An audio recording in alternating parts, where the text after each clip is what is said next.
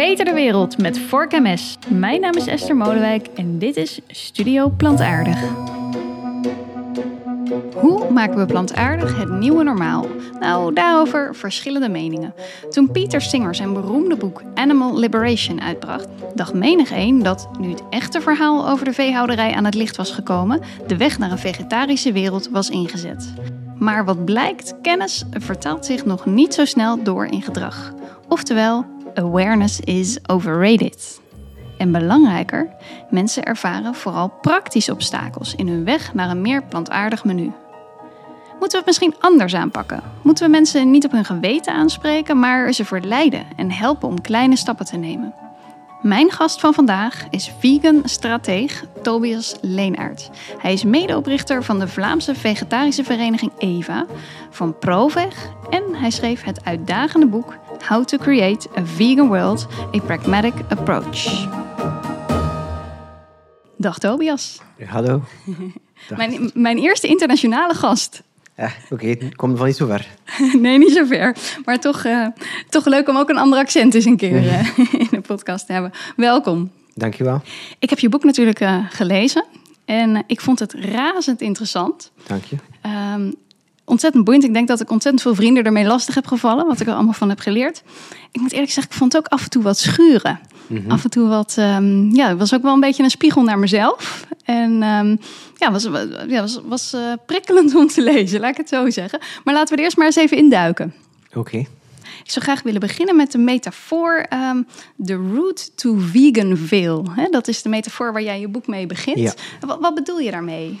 Dus Veganville is een, um, een dorpje dat op een heuvel ligt. En uh, onze bedoeling als, als veganisten, als vegan beweging, is eigenlijk iedereen, alle mensen van de wereld, uh, in dat dorpje te doen wonen. Dat, kan natuurlijk niet, maar, maar, dat is de metafoor. Dat wil eigenlijk zeggen van, je wil hen stimuleren om de trek naar Veganville te beginnen. En dat is niet zo makkelijk. Veganville ligt op een heuvel, dus je moet moeite doen. Het is niet de way of least resistance, om het zo te zeggen. En um, ik heb in het boek uh, ja, verschillende hoofdstukken geschreven. En die hoofdstukken komen overeen eigenlijk met um, de verschillende dingen die je moet doen om de mensen uh, die tocht te laten ondernemen. Dus je moet ze eerst en vooral aanmoedigen. Je moet uh, hen een boodschap geven. Je moet hen zeggen van ga in Veganville wonen. Of je kan ook zeggen van probeer eens Veganville uit voor 30 mm -hmm. dagen. je kan um, zeggen van doe dat voor die of voor die of voor die redenen. Daarom en daarom, daar moet je vertrekken nu. maar je kan ook, en dat is heel belangrijk, uh, kijken naar wat kan je doen om die route naar Veganville, die weg, uh, makkelijker te maken voor mensen. Dus je kan zitbanken installeren, en kan je restaurants installeren, en je kan daar uh, hotels zetten waar dat ze kunnen overnachten en zo verder. Uh, dan ga ik ook kijken naar ja, hoe communiceer je met die mensen, hoe moedig je ze aan, hoe kan je uh, eigenlijk op een enthousiasmerende manier spreken tegen hen. En tenslotte, hoe zorg je ervoor dat iedereen eens in Veganville zitten, daar ook blijven. Dus dat gaat dan over de, de sustainability als een, als, een, uh, als een vegan of als een uh, veganist. Omdat we weten dat er nog altijd... Du duurzaam veganist zijn. Ja, activist eigenlijk. of veganist. Ja, ja, inderdaad. Omdat er uh, nog altijd veel mensen zijn die, die op een bepaald moment met veganisme of met activisme ophouden en, en terug naar beneden van de heuvel eigenlijk rollen. Ja, ja. ik vind het een krachtige metafoor. Hè, omdat je ook die weg zo voor je ziet en, en daadwerkelijk obstakels. Dus ik kan me voorstellen dat dat helpt om, om een beetje gevoel te krijgen bij dat, dat het dat het niet zomaar één stap is voor mensen om nou, ja. eventueel veganist uh, te worden. Ja, en daar ja. moeten we denk ik ons, ons heel goed bewust van zijn. Ik denk dat dat altijd een van mijn voornaamste uh, takeaways is in mijn lezingen en, en schrijfsels. Uh, is dat jij niet dezelfde bent als je publiek. You are not your audience. Dus je, je -hmm. moet je het verschil realiseren tussen jou en het publiek. Je kan misschien denken van, ja, veganisme, dat is, makkelijk en ik ben daar zo morgen gemotiveerd en uh, dat kost me allemaal geen moeite uh, en dit en dat en dat. Uh, maar je realiseert je niet dat het publiek dat je voor je hebt, de persoon die je probeert te overtuigen of warm te maken, dat hij misschien een heel andere geschiedenis heeft, een heel andere persoonlijkheid is, andere motivaties heeft, misschien bepaalde voedselallergieën heeft die het moeilijker maken voor hem of haar um, om die stappen te zetten ja. en zo verder. Dus je moet je in de schoenen plaatsen van je publiek om uh, te weten wat het is om die, die trek te ondernemen naar veganville en vegan te worden. Ja, heb jij, uh, heb jij dit ook zelf meegemaakt? Dat je zelf aan die kant stond waarin je dacht van ik, ik, ik ga mensen overtuigen? Ja, absoluut. Ehm, ik, heb, uh, ik ben, ben begonnen als een, als een vrij... Ben altijd, ik noem me nog altijd radicaal, want ik ben voor de vegan wereld, dus dat is vrij radicaal. Maar ik ben ook begonnen als, als iemand die... Uh, ja, ik heb nog ook staan schreeuwen enzovoort. Ik heb nog uh, groepen naar mensen dat ze moordenaars waren. Dat is allemaal heel leuk. maar of dat het heel, heel efficiënt is, is iets anders. Dat, je voelt je zo... Ja, je voelt een ontlading en dat voelt goed. zeker als je samen met andere mensen staat te roepen enzovoort. Nu, ik maak er een beetje parodie van, maar dat is effectief wat ik wel gedaan heb. Ehm, maar um, ik ben dan geëvolueerd naar uh, ja, een ander soort uh, activist door eigenlijk uh, aan het hoofd te staan, 15 jaar lang van de organisatie. En met heel veel stakeholders in contact te komen. Dus ik van de organisatie meer... EVA, ja, bedoel je? Ja, Dus uh, ja. we waren niet meer aan het, aan het praten gewoon met de gewone man of vrouw in de straat, maar met beleidsmakers, met uh, mensen in de academische wereld, mensen in het bedrijfsleven enzovoort. En, en dan zie je dat je eigenlijk um, ja, een boodschap moet hebben die, die behapbaar is.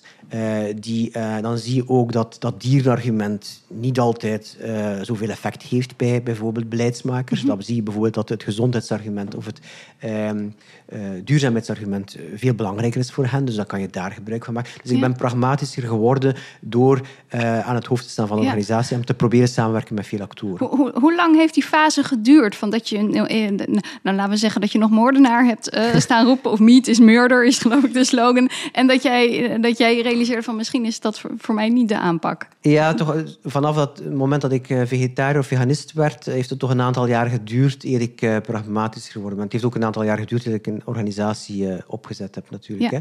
Hè. Maar ja, dat heeft zijn tijd nodig gehad. Ja, ja. En, en is dat... Um, ik kan me ook voorstellen dat het een best een moeilijke stap is om te maken. Omdat je jezelf hebt overtuigd om heel rechtlijnig daarin te zijn of principieel. En op een gegeven moment moet je misschien iets gaan loslaten van je principes ja, of je aanpak. Maar ik zeg altijd van je, je, kijkt naar, je moet kijken naar wat je wil. Uh, wat ik wil is uh, dat dierleed stopt en dierenuitbuiting en diergebruik stopt. Als je iets doet dat daarmee in overeenstemming is, of als je gelooft van kijk, als ik het nu zo doe of zo doe, dan gaat dit mijn doel sneller dichterbij brengen, dan verraad ik mijn principes helemaal niet.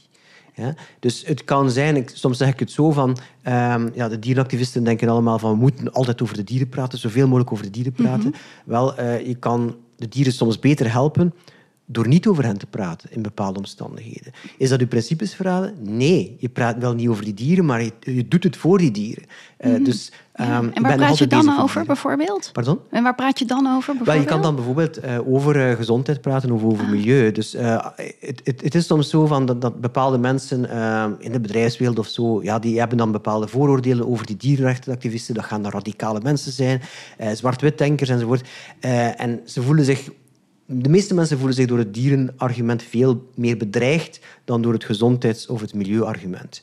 Uh, ja. En vandaar dat, dat die argumenten in bepaalde situaties of contexten uh, meer efficiënt en, en beter bruikbaar zijn.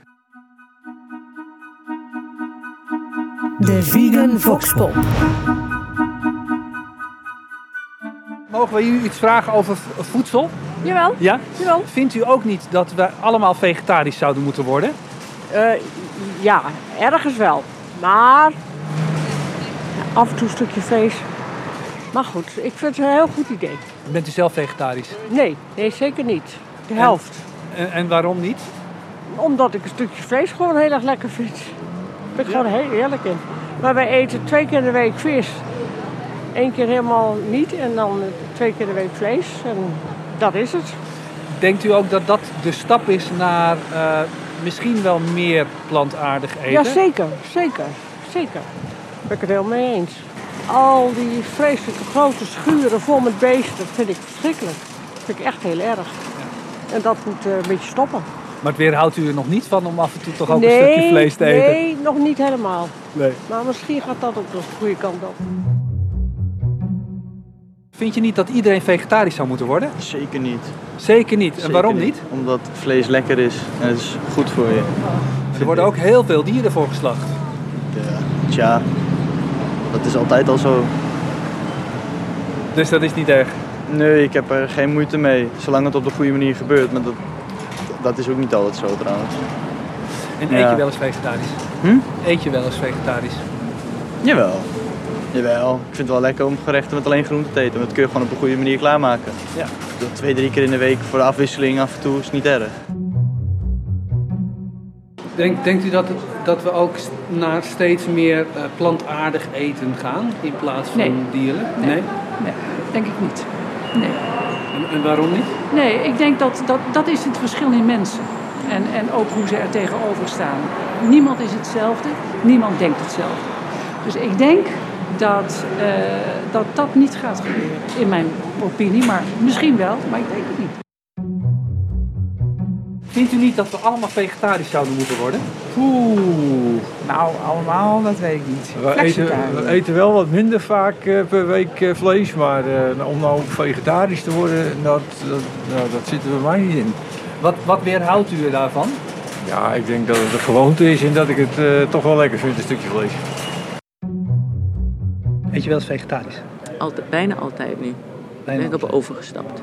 De- Denk je dat bijna altijd? Denk je dat je in de toekomst nog vaker Ja. vegetarisch gaat eten? Ik, ik merk aan mezelf een geleidelijke schaal. Eerst was het af en toe vegetarisch. Ja. Maar ik wil toch nog wel even die gehaktbal. Dit is ook aan thuisdenken en weet ik. Ja. Nou, vervolgens had ik eh, die oesterzwam eh, eh, bitterbal. Vond ik fantastisch. Nou, dan hoeft dat andere ding voor mij niet meer. Ehm, dus bij mij is het een geleidelijke schaal. Ehm, en dan denk ik nu, nu jij dit zegt, één keer per dag geen dierlijk. Eh, nou, ja, why not? Wat zijn nou de belangrijkste obstakels van mensen om uiteindelijk eh, die, die route naar vegan veel te gaan bewandelen? Ja, er zijn, er zijn verschillende zaken. Hè. Er zijn nog altijd overtuigingen dat eh, Melanie Joy noemt dat eh, de, de three N's of justification, drie N'en, eh, natural, necessary en normal. Zo zien we vlees. Het is ook lekker voor, de, voor de meeste mensen. En een heel belangrijk iets is, eh, de meerderheid doet het nog altijd. En wij doen, mensen doen gewoon wat de meerderheid doet. En, en je kan je goed voorstellen dat je, eh, misschien hebben sommige luisteraars dat nog meegemaakt, maar dat je zo zegt van, kijk, eigenlijk dieren eten, dat, dat is toch niet juist, er klopt toch niet iets niet aan. En die dan om zich heen kijken en die 90, 95 procent van de mensen dat toch zien doen. En die dan concluderen van ja, zo fout kan het niet zijn, want iedereen doet het. Ja. Dus, dus Ja, het die- feit dat, dat we, dat we zo'n massa hebben van mensen die iets anders doen, maakt het moeilijk voor ons om tegen die stroom in te gaan. Ja, de, mooie uitspraak in je boek: ehm, Most people eat meat because most people eat meat. Ja, inderdaad. Dus, Ja. dus we doen wat andere mensen doen en we eten vlees omdat, we, omdat andere mensen vlees eten. Ja. Eh, en, en, en dat moeten we doorbreken. En, en eens dat we daar zullen zijn en eens dat we kritische massa zullen hebben van, van, een, van een aantal x procent, ik weet niet hoeveel procent, 10 procent of zo, eh, van mensen die het anders doen, zodanig dat andere mensen, de vleeseters, de hele tijd mensen tegenkomen die geen vlees meer eten of al veel minder of veganist zijn of wat dan ook. Ehm, en, en, en die normaliteit doorbreken eh, en zeggen van het is niet meer zo normaal, dan zal het zoveel makkelijker zijn ook om te veranderen. En hoe doen we dat? Wel, ehm, je kan dat doen dus door, door ehm, te proberen mensen te zeggen van je moet vegan worden en het moet voor de dieren zijn. Ja. Eh, en dat is wat ik noem de idealistische aanpak. Dat is eigenlijk wat ik ook wil. Hè. Ik wil dat mensen vegan worden voor de dieren. Maar ehm, werkt soms, werkt vaak ook niet. Eh, En ik denk dat we die aanpak nodig hebben. Ik stel daarnaast dus een, een andere aanpak voor, die ik een pragmatische aanpak noem. Eh, en die bestaat erin dat je niet noodzakelijk over veganisme babbelt, maar dat je over vermindering babbelt. Dat je mensen helpt verminderen. En dat je ook ehm, de reden waarom dat ze dat doen niet zo belangrijk acht. Dus je hoeft niet te praten over dieren, eh, maar je kan ook over die andere dingen praten, zolang het maar effect heeft. Hè. Dus het belangrijkste is dat het resulteert in concrete stappen, dat het, dat het iets doet. Hè. En, en mensen zitten zo vaak bezig met, ja, mijn principes zijn dit en dat en dat. En zij willen hun eigen boodschap volgen, maar ze kijken niet naar de impact die ze hebben. Die impact kan zelfs negatief zijn. Ze kunnen zelfs mensen verder van veganisme afdrijven door op een bepaalde manier te praten over veganisme. Hè, te Ja. radicaal of te agressief of zo. Ja. Dus, dus vandaar altijd kijken naar ehm, resultaat. En, en dan zie je dat je ehm, waarschijnlijk ehm, veel resultaat kan boeken, additioneel resultaat, door mensen te vertellen van eh, eet minder vlees. En wij weten dat ehm, de, eh, het effect, het gezamenlijke effect, je kan dat berekenen, het gezamenlijke effect van al die vleesverminderaars, stel het zijn er 40% of zo, eh, die af en toe Ja. Geen vlees eten, dat zal groter zijn dan, dan die 2%. We denken nog niet dat we aan meer dan 2%, als het zoveel is al, vegans uh, zitten. Ja, ja, ja dat, dat gaf eh, Willem Boterman ook aan in de, in de tweede podcast, de sociaal geograaf. Die zei ook, we moeten ons vooral richten op die groep, hij noemde dat dan flexitariërs of vleesverminderaars mhm. inderdaad, om die iets minder te gaan laten eten in plaats van ons heel puur op uh, het creëren van meer vegans. Uh, ja, en, en wat eraan belangrijk is, is dat die, die paar procent vegans, die kunnen die markt niet zo interessant maken. Of die maken het niet zo interessant voor grote bedrijven. Mhm. Maar als grote bedrijven zien van, kijk, er is hier 40% van de mensen die af en toe die producten kopen. Ja, dan wordt het een interessante markt. Die bedrijven gaan mee, en dat is wat er nu aan het gebeuren is, die bedrijven gaan meer en meer producten maken, beter en beter, beter en beter verspreiden overal in, in al die eh, grote warenhuizen enzovoort, supermarkten.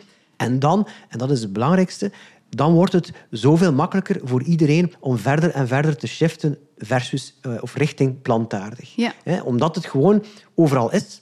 En de weerstand van mensen om over dieren na te denken vermindert en vermindert, omdat ze zien van, oh, ik moet hier eigenlijk geen opoffering meer maken. Ik moet hier eigenlijk niets meer opgeven, want er is ook ander lekker eten te vinden. Ja.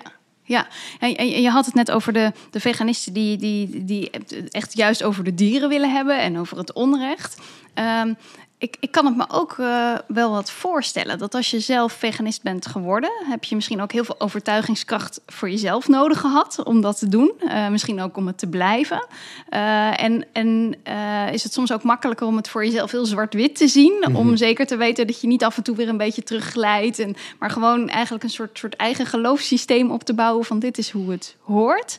En dan ja, moet je vervolgens eigenlijk heel genuanceerd uh, met mensen omgaan die, die nou, misschien nog elke dag vlees eten, bijvoorbeeld. Hoe, hoe, hoe, kun je daar nou als veganist voor jezelf mee omgaan?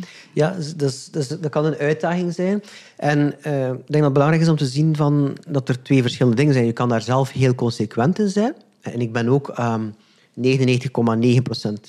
consequent in, in wat ik eet. Um, maar je hoeft datzelfde niet te communiceren naar andere mensen die nog zo ver niet staan als jij. Um, dus, dus dat is, iets, dat is eigenlijk een verschil dat je moet kunnen, kunnen maken. Denk. Of het zou efficiënt zijn als je dat verschil kan maken, ja. dat onderscheid kan maken. Uh, maar niet iedereen, dat is niet aan iedereen gegeven. Sommige mensen zitten inderdaad een beetje vast in dat uh, zwart-wit denken en gaan dat dan ook naar anderen toe uh, ook zo voorstellen. Dat is denk ik niet de ideale gang van zaken. En, en ik zeg altijd van, ja, als het moeilijk is probeer gewoon altijd te kijken van... Um, of altijd weer te herinneren van ik doe het voor de dieren en ik ga kijken wat voor de dieren het meest impactvol is. En als dat iets anders is dan wat je denkt vanuit je principes en je zwart-wit denken dat het beste is, als dat iets anders is dan dat, dan doe je dat. Gewoon omdat je resultaat wil hebben. Voor mij is dat redelijk evident. Je kan er natuurlijk niet eindeloos ver in gaan. Je kan niet, niet, het is niet het doel de middelen en we gaan niet alles doen. Mhm. Maar je kan bepaalde uh, andere accenten leggen, andere argumenten gebruiken, andere vragen stellen, andere uh, boodschappen geven enzovoort. Ja, ja. ja, wat ik een interessant voorbeeld vind, wat je ook in je boek aanhaalt, is bijvoorbeeld de Meatless Monday of de Veganuary. Mm -hmm. He, dus dat zijn, dat zijn eigenlijk initiatieven om mensen af en toe een dagje of uh, een maandje uh, minder of geen vlees te laten eten. Uh, ja, er zijn natuurlijk mensen die zeggen, ja, maar dit vlees eten, dat is, ja, dat, dat is uh, zo immoreel. Hoe kun je nou zeggen dat je, dat je zes dagen in de week um, dat wel mag doen uh, en dan één dag in de week niet? En hoe kun je dan eigenlijk uh, nog verdedigen dat het belangrijk is om dat die ene dag in de week te laten, als je het die andere zes dagen in de week gewoon zou mogen doen? Het, is, het is immoreel om iets te vragen mm -hmm. dat minder is dan vegan. Ja, en ja, mensen vergelijken het, die zeggen, gaan zeggen van je, je kan niet vragen aan mensen om één keer één, één dag in de week vegan te zijn, net zoals je niet kan vragen aan mensen om uh, één dag in de week uh, hun kinderen niet te slaan, bijvoorbeeld. Hè.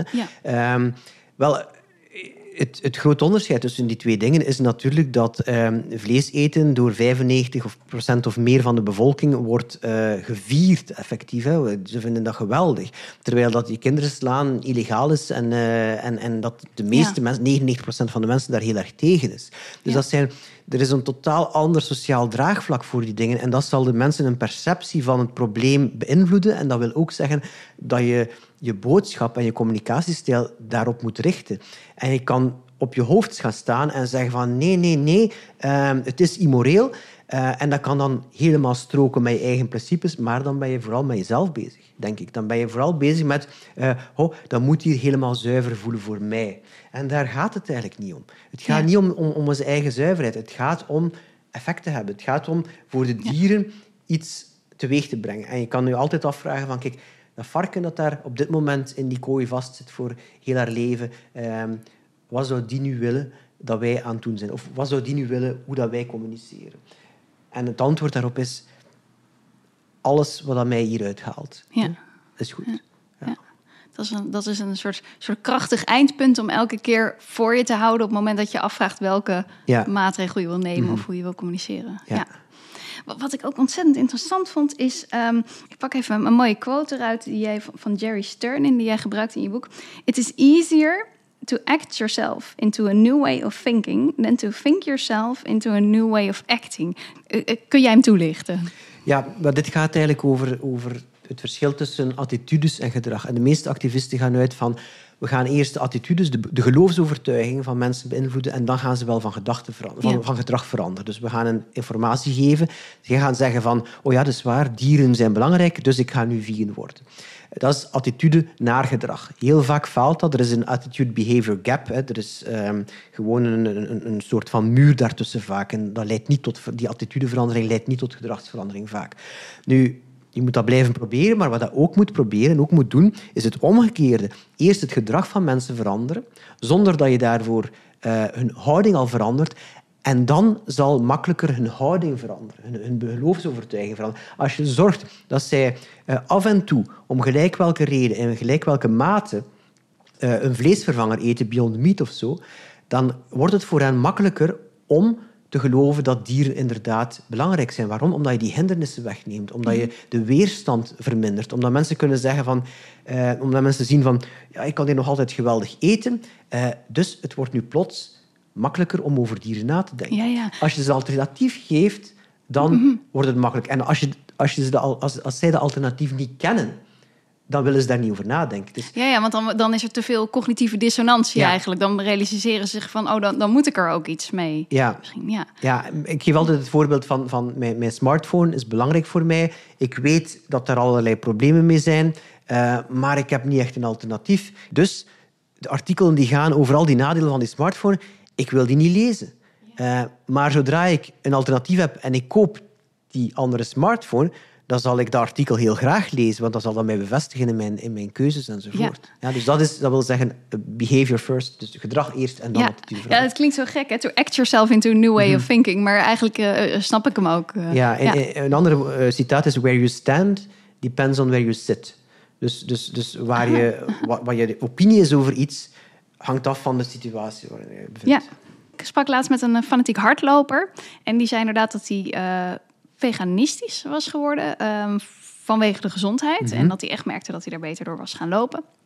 En toen kwam opeens het nadenken over dieren. Ja. En toen kwam opeens dat zei, ja, ik zou ook helemaal geen vlees meer Ja. willen of kunnen eten. Het houdt, he- het houdt veel steek, hè, omdat die, die, die persoon ziet van...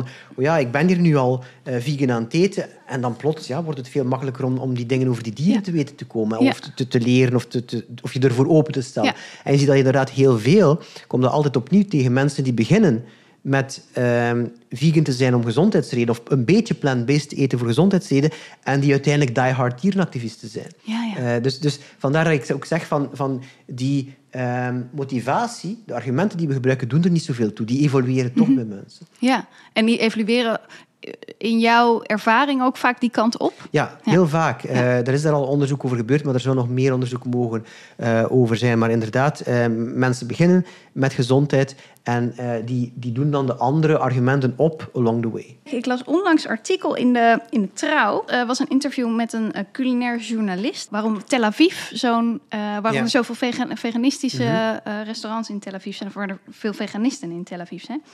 Paradoxaal genoeg zorgen de ultra-orthodoxe Joden, die juist behoorlijk veel vlees eten, ook voor het verstevigen van de veganistische markt. Volgens uh, hun voedselwetten mag je na het eten van vlees zes uur lang geen zuivel eten. Dus maken zij voor hun desserts gretig gebruik van al die veganistische zoetigheden die zijn ontwikkeld.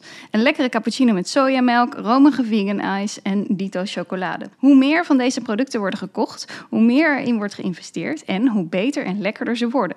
Wat het weer makkelijker maakt om vegan te gaan leven. Precies, ja. Dat is toch een mooie paradox? Ja, paradox, ja en, en, en nee. Uh, in, in elk geval, zoals ik zei, van die vleeseters die helpen, of de mensen die af en toe vegetarisch of plant-based eten, die helpen enorm met die markt te creëren. En op die manier wordt het dus makkelijker voor iedereen om, om meer en meer te shiften. Nu, nog een andere zaak over, over Israël is van, die mensen zijn daar inderdaad al gewoon om orthodox, om, om kosher te eten. Dus ik denk dat die ook meer, meer begrip hebben voor mensen die bepaalde spijswetten, uh, zoals Aha. vegans dat ook hebben, uh, hebben. Hè. Uh, en, en daardoor zal, zal er wel meer, meer begrip voor bestaan en, en, en gaan er mensen zijn die, ja, die daar meer op inspelen. Ja, dus eigenlijk laat dit ook weer zien dat het dan niet altijd om morele redenen gaat, maar dat er bepaalde praktische omstandigheden zijn uh, die ervoor zorgen dat, uh, dat, dat er iets gebeurt. Ja, re religie kan daar ook uh, een rol in spelen. Hè. En ik heb in het boek ook voorbeelden gegeven van afschaffing van de slavernij, dat de technologische revolutie daar ook een rol in speelde, omdat bepaalde machines dan goedkoper waren dan, dan het houden van slaven. dus dat zijn pragmatische dingen waarvan dat we zeggen van ja, je mag het toch niet om die redenen doen, zeg. Maar het helpt allemaal om die morele redenen makkelijker ingang te doen vinden. Ja, terwijl we graag met elkaar denken dat we allemaal zoveel mm moreler zijn geworden en dat we het om, om die redenen de slavernij hebben afgeschaft. Ja. Maar eigenlijk waren het die praktische voorlopers die... Die een rol gespeeld hebben, maar ondertussen zijn we er ook wel morele redenen tegen. Maar dus wat, wat het dan ingeluid heeft, wat het dan makkelijker gemaakt heeft, dat is niet zo belangrijk, vind ik. Belangrijk is waar we dan uiteindelijk uitkomen. Ja, ja. Jij hebt het ook over een, um, een, eigenlijk een wat flexibelere definitie van het woord vegan. Hè? Voor wat, wat ruimere, minder zwart-wit definitie. Mm best spannend, denk ik, om dat uh, voor te stellen. Kun je hem toelichten?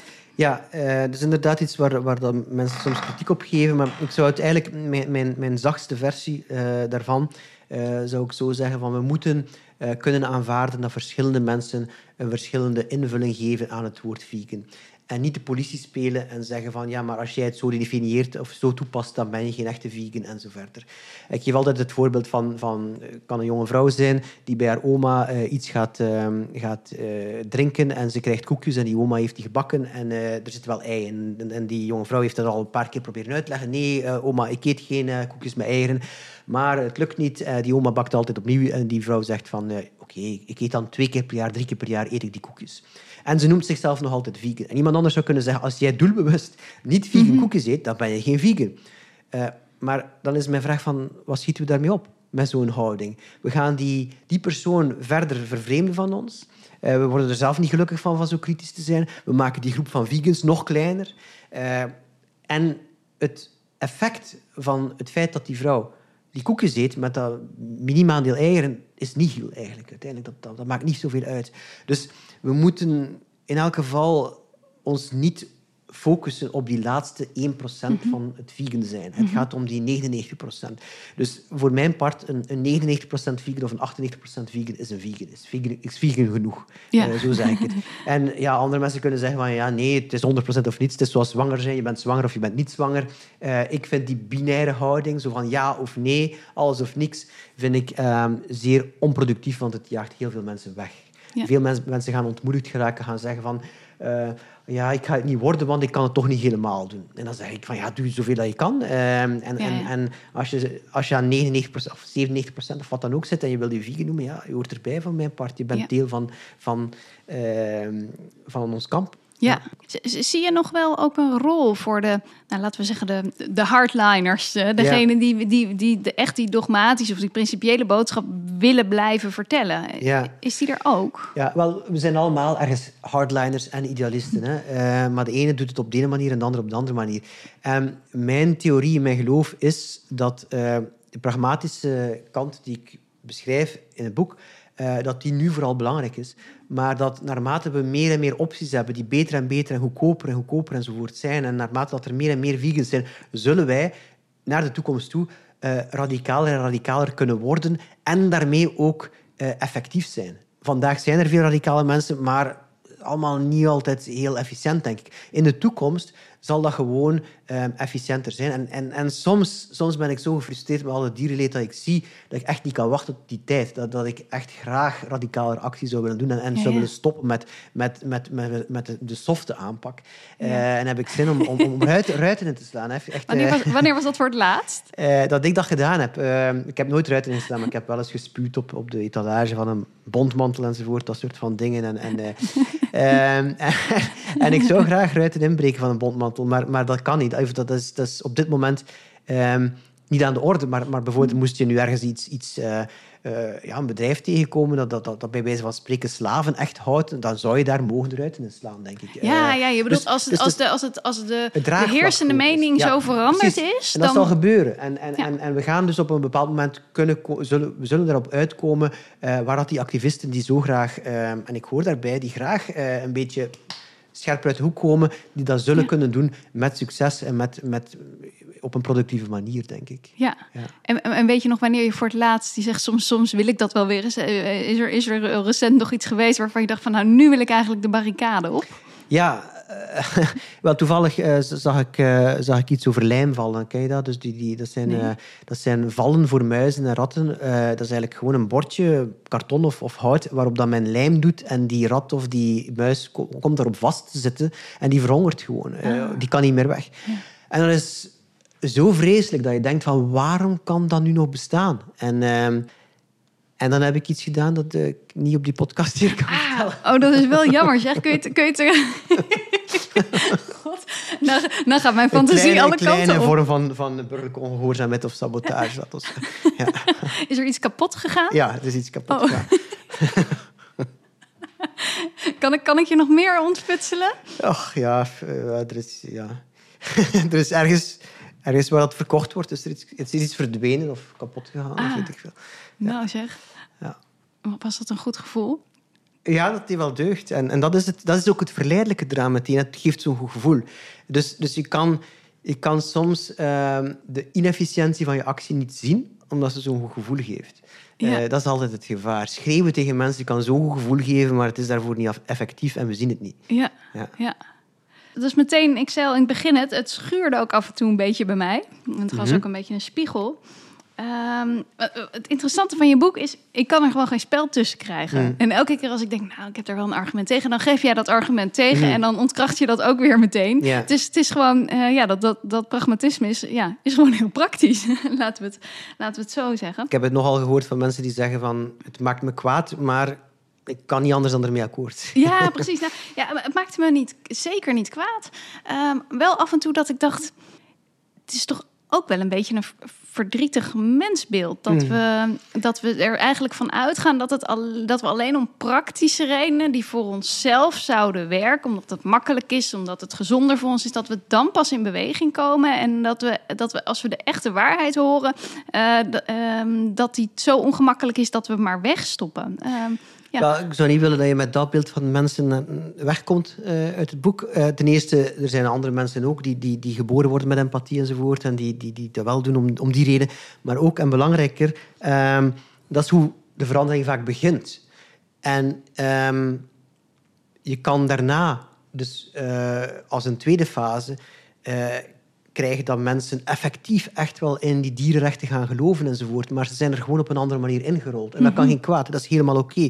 Eh, als, als jij of, ik vegan geworden ben, dan kan dat zijn ja, dat, doordat, wij, doordat er heel lang tegen ons gezeurd is door andere vega- veganisten, dat we het ook niet vanzelf gedaan hebben enzovoort. Niemand doet het helemaal vanzelf.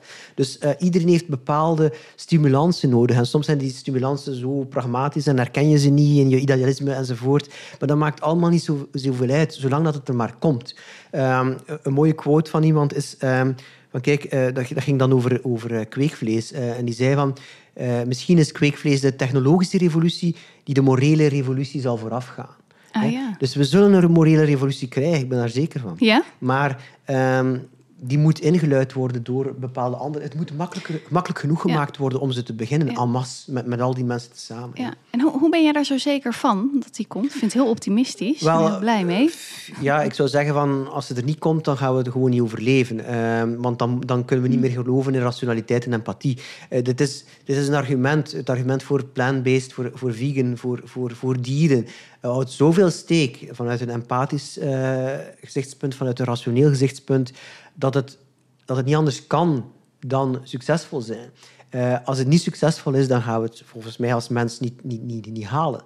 Ehm, en ik geloof ergens wel in ja, ra- rationaliteit en empathie. Ook al zijn er zoveel bewijzen van het tegendeel. Maar ik, ja, je kan naar al die negatieve dingen kijken, maar je kan ook kijken naar het feit dat wij... ehm, ik zeg het soms zo, wij zijn de eerste soort op aarde die zijn eigen voeding in vraag stelt. De eerste diersoort. Die echt zegt van, ja, wat wij hier nu weten, is dat wel ideaal voor ons om te eten. Dat heeft nooit een leeuw dat gedaan. Hè? En dat is ook iets heel moois. Dat is een mooi punt voor ons, voor als mensen, als diersoort, om, om dat bereikt te hebben. Dus, dat, is, dat is geweldig. En dus kunnen we ook heel, heel hoopvol zijn over onze soort, vind ik. Ja.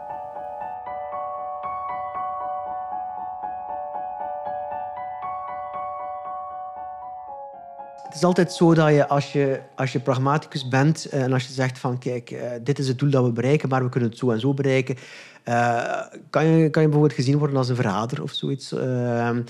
Of iemand die... Ja, apologist is iets dat, dat mensen vaak gebruiken. hè. apologist? Een apologist, een vegan apologist.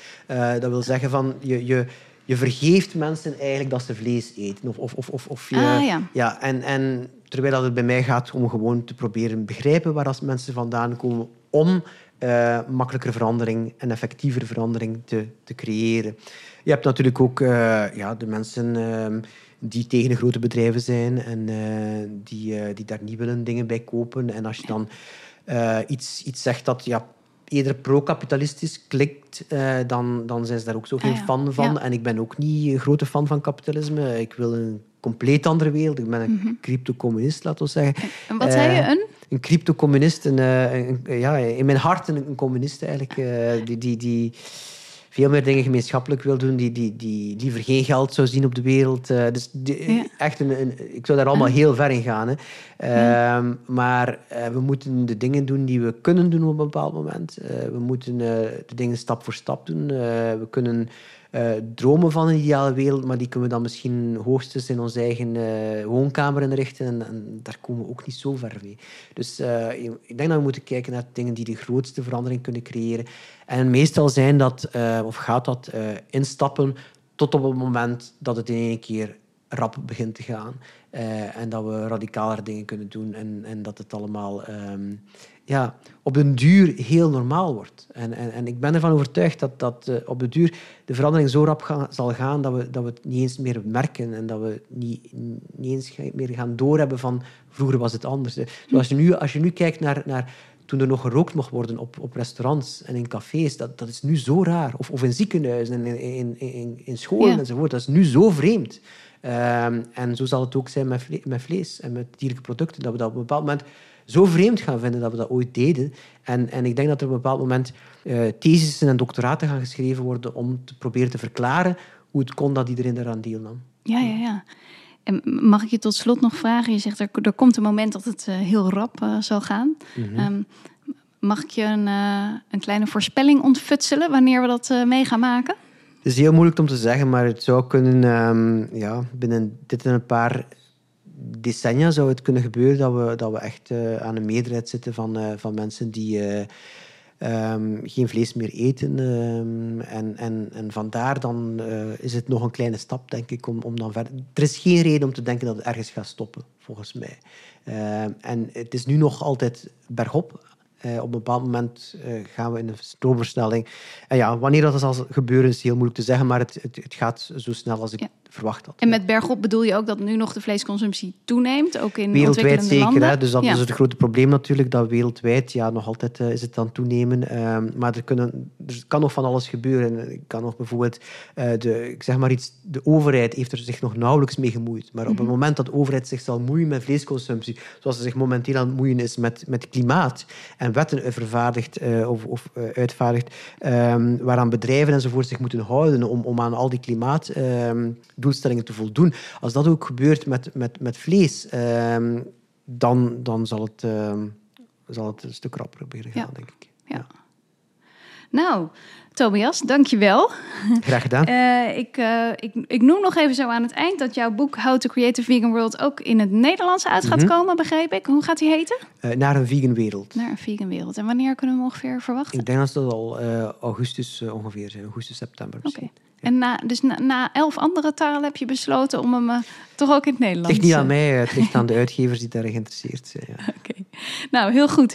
Hartelijk dank. Ehm, ga door met de praktische aanpak. En eh, mooi om deze blik ook mee te nemen in eh, de volgende podcast. Alright, dankjewel. Goed. En eh, een- goede terugreis naar België. Dank je. Dat was hem. Dankjewel voor het luisteren. De Vegan Foxpop werd gemaakt door Ernie van Dalen en het audio en design is van Marlon van der Pas. Wil je meer weten over hoe we de stap naar een plantaardige samenleving gaan maken? Volg dan onze podcast. Oh, en eh, deel je hem ook met andere wereldverbeteraars. Dank je en tot de volgende.